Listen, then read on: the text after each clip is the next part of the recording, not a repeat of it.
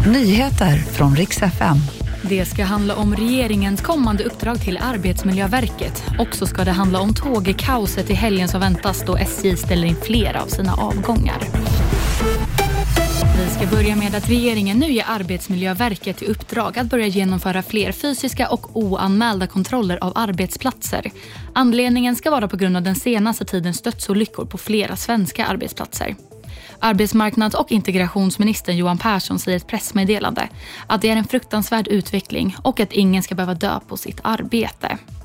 Vi går vidare med att SJ nu ställer in flera avgångar med tåget X2000 under helgen och varnar för tågkaos.